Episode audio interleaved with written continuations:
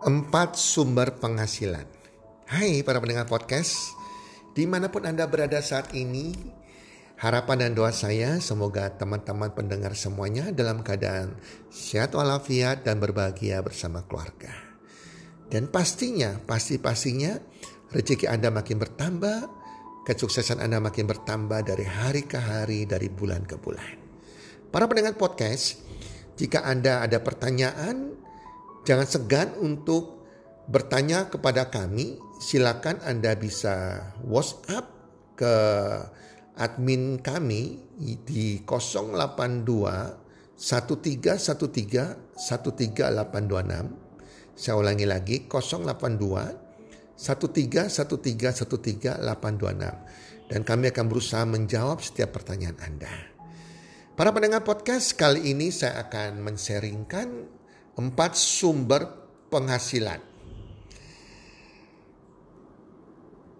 Kalau Anda bertanya kepada saya, dalam hidup saya apa yang saya syukuri? Salah satunya saya syukuri adalah saya membaca buku The Cash Flow Quadrant, yaitu buku karangan Robert T. Kiyosaki. Buku ini sungguh-sungguh membuka cara pandang saya membuka hal baru yang saya tidak pernah tahu teman-teman. Sehingga itu membuat saya bisa pindah kuadran teman-teman.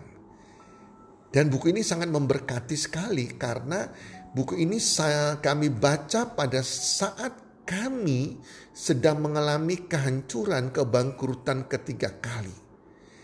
Kalau teman-teman pernah mengikuti podcast kami di episode tertentu yang lalu, pasti kenal dengan saya sebagai seorang pengusaha yang pernah membangun 10 macam bisnis yang berbeda dengan modal saya 100% dan bisnis cukup besar, ratusan juta sampai miliaran dan itu pun saya mengalami semua kegagalan di 10 macam bisnis tersebut dan tiga kali kebangkrutan.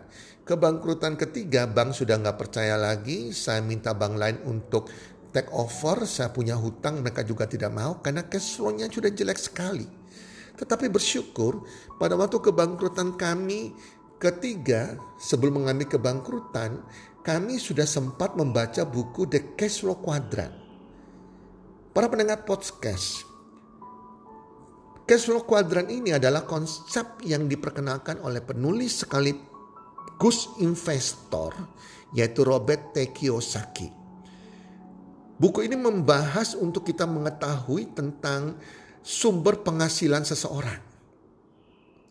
Jadi Robert Kiyosaki ini ingin kita sadari bahwa ada empat macam sumber penghasilan. Kita ini berada di sumber penghasilan di kuadran yang mana? Dan apakah itu adalah sumber penghasilan yang kita impikan atau bukan? Atau di kuadran mana yang menjadi impian kita? Dan ini sungguh-sungguh sangat memberkati saya dan menyadarkan saya bahwa ternyata saya berada di kuadran ini dengan sumber penghasilan yang saya terima berupa ini dan ternyata itu bukan kuadran impian saya. Sehingga akhirnya saya mencari kuadran impian saya yang bisa memberikan saya kebebasan finansial tentunya. Nah tujuan Robert Kiyosaki memperkenalkan The cash flow quadrant ini yang beliau membagi ada empat sumber penghasilan seseorang. Setiap orang punya empat macam sumber penghasilan. Di kuadran mana Anda berada itu menentukan sumber penghasilan Anda. Yaitu entah di kuadran E, employee, kuadran S, self-employee, kuadran B, business owner, atau kuadran I, investor. Nah, jadi tujuan beliau agar kita sadar agar kita bisa memiliki yang namanya kebebasan keuangan. Dan kita memiliki namanya kebebasan keuangan atau financial freedom, seseorang akan memiliki kebebasan secara pribadi, memiliki kebebasan waktu, sekaligus memiliki usaha yang mampu memberikan mereka suatu kesejahteraan, yaitu penghasilan pasif. Saya baru baru tahu dan baru mendengarkan penghasilan pasif ini gara-gara buku ini teman-teman para pendengar podcast. Dan di buku tersebut ditekankan juga begitu pentingnya penghasilan pasif. Dan hanya sedikit orang di dunia yang memiliki penghasilan pasif. Kurang lebih hanya 5% orang di dunia yang memiliki penghasilan pasif. Dan hebatnya 95% perputaran uang di dunia di tangan 5% orang tersebut, teman-teman. Orang yang super kaya, teman-teman. Itu membuka pikiran saya dan saya muncul keinginan saya, saya harus menjadi 5% dari bagian orang di dunia ini. Karena saya mau hidup sejahtera, mau hari tua saya bebas keuangan. Oke, kita tilik bersama-sama empat macam sumber penghasilan tersebut. Yang pertama adalah kuadran E, yaitu employee, pegawai. Kuadran E merupakan kuadran dari kelompok orang yang bekerja sebagai karyawan. Mereka punya bos. Orang-orang di kuadran ini memiliki penghasilan tetap berupa gaji bulanan ataupun ditambah dengan bonus yang diberikan oleh perusahaan, oleh bos mereka. Dan orang-orang di kuadran ini mereka adalah orang-orang yang mulai dari jabatannya dari OB, sekuritas, pegawai, kepala bagian personalia, bagian bagian marketing, semua pegawai sampai direktur utama suatu perusahaan. Selama mereka masih terima penghasilan berupa gaji dan mereka punya bos, bertanggung jawab kepada pimpinan sebuah perusahaan, mereka di kuadran employee. Walaupun jabatan mereka direktur utama maka di kuadran E. Yang kedua adalah kuadran S, yaitu self-employed. Kuadran S adalah kuadran dari kelompok orang-orang yang memiliki usaha sendiri. Walaupun usahanya kecil, mereka sudah punya usaha sendiri dan mereka tidak punya bos. Mereka tidak bertanggung jawab kepada seseorang di suatu perusahaan. Dan mereka adalah pemilik usaha kecil dan kegiatan operasional perusahaan dijalankan oleh mereka sendiri. Orang-orang di kuadran ini mendapatkan penghasilan sebesar usaha atau kerja keras mereka yang mereka lakukan sendiri. Di kuadran ini semakin banyak waktu dan usaha yang mereka lakukan, maka semakin besar pula penghasilannya mereka terima. Begitu pula sebaliknya, Semakin sedikit waktu dan usaha yang dikerjakan oleh mereka, ia akan semakin kecil mendapatkan penghasilan. Nah, teman-teman, contoh orang-orang di kuadran ini adalah pengusaha-pengusaha kecil seperti pemilik rumah makan, perusahaan bisnis keluarga, perusahaan konsultan, akuntan, pengacara, notaris, dokter, dan perusahaan-perusahaan jasa seperti jasa pembersih halaman atau jasa pembersih rumah, terus kemudian eh, tempat pencucian laundry, cuci pakaian, atau juga agen-agen yang hanya terima komisi tapi tidak terima gaji. Contohnya agen asuransi, agen perumahan real estate, ataupun juga para penyanyi para artis, penulis buku, para youtuber, semuanya di kelompok ini. Biasanya orang-orang yang terdapat di kuadran ini merupakan orang-orang yang ulet dan senang mengerjakan segala sesuatu sendiri. Tidak jarang mereka selalu memiliki cara pandang jangan pernah bekerja untuk orang lain. Mendingan bekerja sendiri lebih bagus. Nah, itulah teman-teman kuadran S. Mereka tidak punya bos. Tetapi mereka menukarkan waktu mereka dengan penghasilan. Kayak dokter, banyak dokter kaya. Kaya sekali. Tetapi prakteknya itu, jam prakteknya itu waduh minta ampun. Kadang sampai tengah malam sampai pagi. Mereka menukarkan tenaga mereka, waktu mereka dengan uang. Nah, pada waktu mereka tidak bekerja, penghasilan mereka juga akan berhenti. Nah, kita masuk ke kuadran tiga, yaitu kuadran B atau kuadran business owner. Kuadran B merupakan kuadran dari kelompok orang-orang yang mendapatkan penghasilan tanpa harus terlibat langsung dalam kegiatan operasi mereka.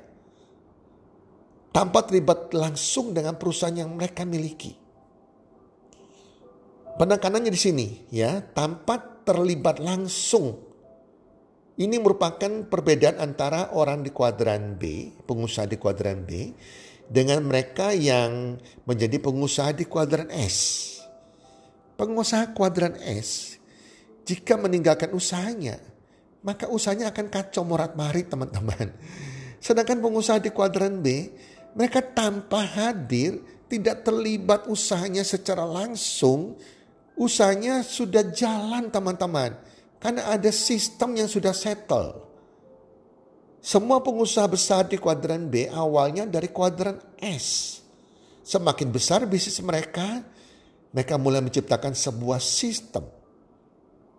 Dan menciptakan sebuah sistem itu butuh waktu belasan tahun. Sampai puluhan tahun untuk trial and error teman-teman. Sehingga akhirnya tercipta sebuah sistem yang membantu mereka menghasilkan uang tanpa kehadiran mereka. Jadi orang-orang di kuadran B ini biasanya seseorang pengusaha, orang pengusaha besar yang dapat meninggalkan perusahaan mereka selama periode waktu gak terbatas karena sudah dijalankan secara profesional oleh orang-orang di kuadran B. Tanpa kehadiran mereka secara langsung, perusahaan mereka akan makin lancar, makin profit, makin untung. Sedangkan di kuadran S, jika mereka berhenti bekerja, maka otomatis penghasilan mereka juga berhenti. Contoh orang-orang di kuadran B adalah para konglomerat yang kita sebut konglomerasi. Kita lihat para konglomerat perusahaan besar-besar semuanya. Unilever, Indofood, ya, eh, orang tua grup, Wings Group, Mayora atau apa pun itu teman-teman ya. Para konglomerat ini tidak pernah hadir ya di dalam kegiatan usaha mereka. Karena sudah ada sistem dan para, para profesional yang menghandle usaha mereka. Demikian juga yang kedua adalah contohnya bisnis franchising. Bisnis franchise waralaba. Contohnya McDonald, Kentucky Fried Chicken, ya waralaba-waralaba yang sudah settle ini, pemiliknya tidak pernah hadir. Mereka mendapatkan uang semakin banyak waralaba yang dibuka, uang mereka akan masuk ke mereka. Baik untuk biaya franchise-nya atau pembagian profit mereka akan terima. Nah dua bisnis tersebut adalah bisnis-bisnis yang sangat besar, membutuhkan waktu yang lama, menciptakan sebuah sistem, membutuhkan modal yang banyak juga. Nah yang ketiga adalah, nah ini membuka cara pandang pikiran saya teman-teman pada saya lagi bangkrut network marketing, bisnis jaringan. Ternyata kuadran B, bisnis owner, itu adalah bisnis jaringan teman-teman. Konglomerasi, para konglomerat.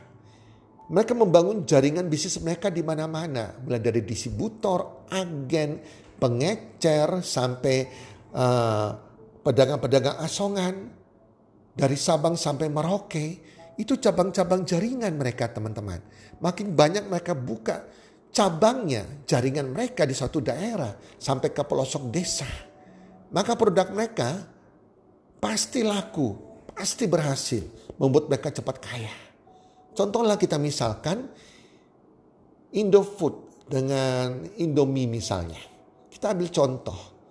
Berapa banyak orang sih yang jadi jaringan yang menjual Indomie dari Sabang sampai Merauke sampai ke pedesaan.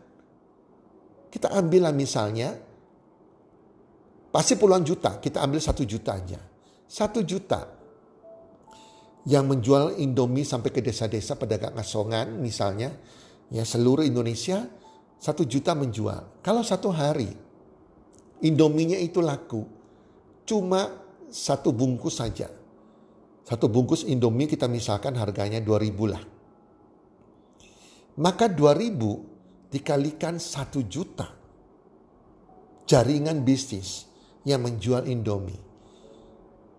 Maka perusahaannya sudah memiliki omset 2000 kali 1 juta 2 miliar.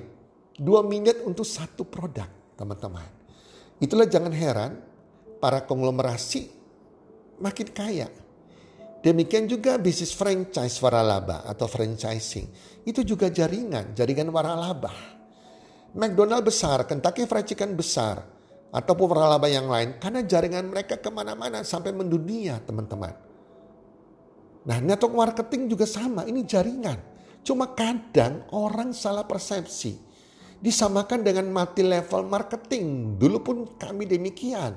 Multi level marketing itu di kuadran S self employee. Network marketing di kuadran B.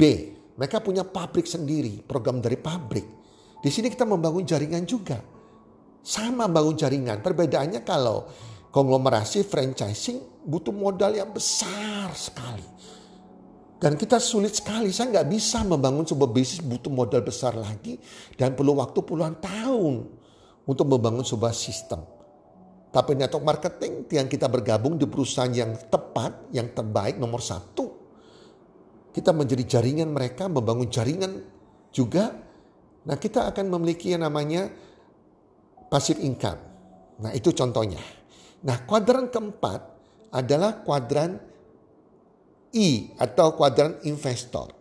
Kuadran I merupakan kuadran dari kelompok orang-orang yang mendapatkan penghasilan dari hasil investasi mereka di suatu perusahaan atau di suatu lembaga keuangan. Nah, mirip di kuadran B, orang-orang di kuadran I tidak perlu terlibat langsung dalam kegiatan operasional suatu perusahaan yang mereka mereka investasikan uang mereka di situ. Nah, di sini uang bekerja untuk mereka. Nah, kuadran I ini adalah istilahnya mereka punya peternakan uang, punya pohon uang, tinggal menunggu pohon uangnya menghasilkan uang bagi mereka. Nah, contohnya orang-orang yang menginvestasikan uang mereka sebagai investor di beli saham. Ya, saham di dalam negeri maupun luar negeri.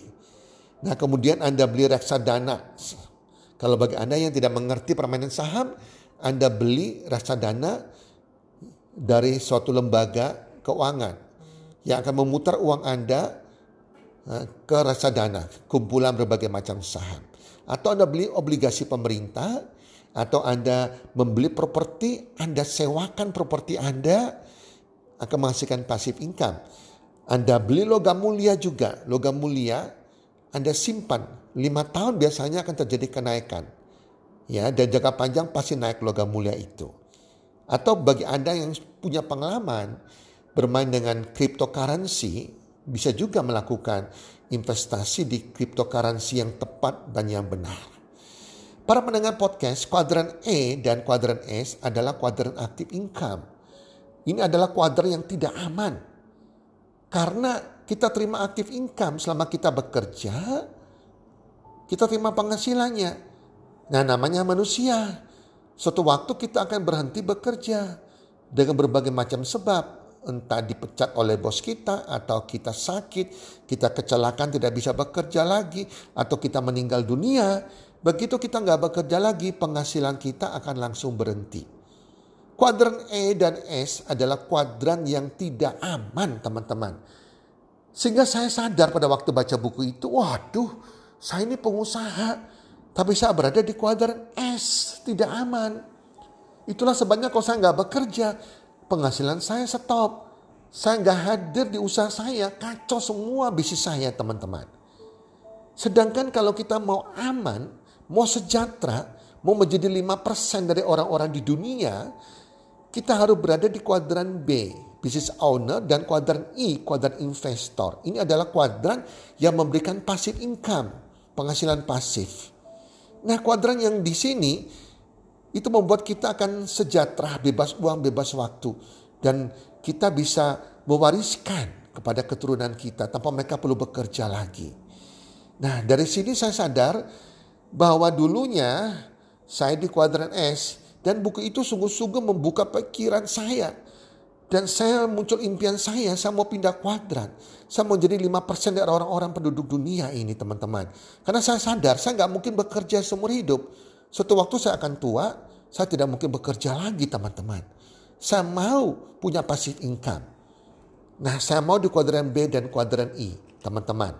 Ya jadi kuadran I investor itu siapa pun bisa masuk kuadran I. Baik itu orang Anda dari employee self-employed, business owner, semua kita harus masuk kuadran I. Kuadran ini terjadi jika Anda bisa memiliki namanya kecerdasan keuangan, cerdas mengelola keuangan. Di mana penghasilan Anda, Anda harus sisihkan, baik Anda di kuadran E, S maupun B, Anda sisihkan setiap bulan dan Anda investasikan di salah satu instrumen investasi yang Anda sukai, yang cocok untuk Anda. Setiap bulan, kata kuncinya setiap bulan. Jadi bukan sekali investasi, enggak. Jadi kegiatan rutin setiap bulan. Anda lagi membangun yang namanya peternakan uang. Yang suatu saat nanti kan akan menghasilkan uang. Ya, buat Anda. Itu kuadran I. Ya, setiap orang bisa masuk ke kuadran I. Asal Anda punya cerdas keuangan, mengerti mengelola keuangan. Dan setiap bulan sisihkan sekian puluh persen masuk ke kuadran I ke instrumen yang tepat. Nah, kuadran B. Kuadran B ini bisnis owner yang memberikan passive income itu hanya tiga jenis bisnis yaitu konglomerasi, franchising, dan network marketing. Itu sebabnya saya milih network marketing. Dulunya saya negatif sekali karena saya pernah masuk mencoba beberapa network marketing ternyata mereka mati level marketing. Bukan network marketing, jadi beda sekali teman-teman. Saya ketipu di beberapa multi level marketing karena nggak punya pengalaman. Melalui podcast ini saya bagikan pengalaman kepada Anda. Multi level marketing tidak akan membuat Anda jadi kaya. Multi level marketing banyak mengiming-iming palsu. Dikatakan punya passive income. Padahal tidak teman-teman. Itu membuat banyak orang negatif karena kecewa di multi level marketing. Banyak menyamar sebagai pyramid scam memanfaatkan orang yang enak yang di atas teman-teman. Money game yang menyamar sebagai multi level marketing. Tidak mungkin buat Anda kaya karena multi level marketing itu setiap orang bisa buat. Itu adalah cara pemasaran barang teman-teman dan levelnya terbatas. Sedangkan network marketing ini adalah program pabrik. Maka kita harus pilih pabrik yang terbesar, yang terbaik teman-teman. Dan kita bisa menjadi kaya sekali menjadi miliarder dengan network marketing, bukan multi level marketing. Karena jaringannya nggak terbatas dan mereka adalah win and win solution. Jadi siapa kerja keras, dia akan nikmati hasilnya. Siapa yang banyak membangun jaringan, dia akan makan mak, makin menjadi kaya dan punya pasif income makin besar. Dan penghasilan Anda tidak dibatasi. Anda mau berapa per, per bulan, mau 10 juta, 50 juta, 100 juta, 500 juta, 1 miliar lebih per bulan. Anda bisa dapatkan di network marketing, bukan multi level marketing. Itu sebabnya hati-hati di lapangan citra network marketing sempat rusak padahal padahal yang bikin rusak adalah multi level marketing atau money game yang menyamar sebagai multi level marketing. Ya, pemerintah melalui menteri perdagangan saat ini menganjurkan orang-orang untuk membangun ekonomi Indonesia masuk ya ke dalam multi level marketing yang tepat atau network marketing yang tepat.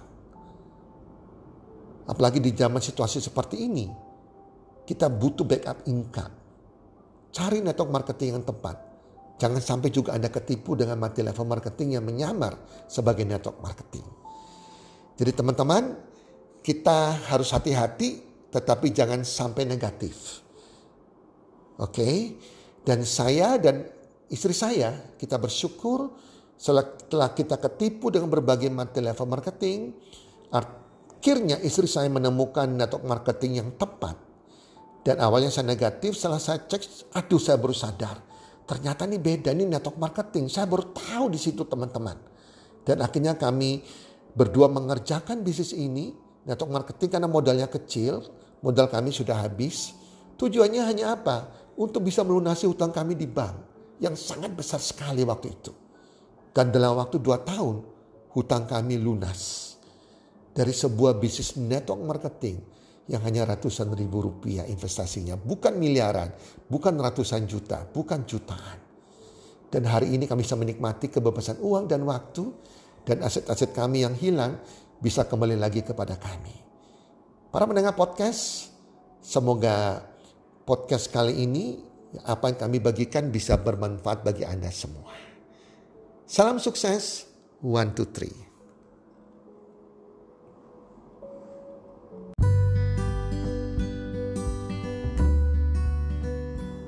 Terima kasih sudah mendengarkan podcast kami.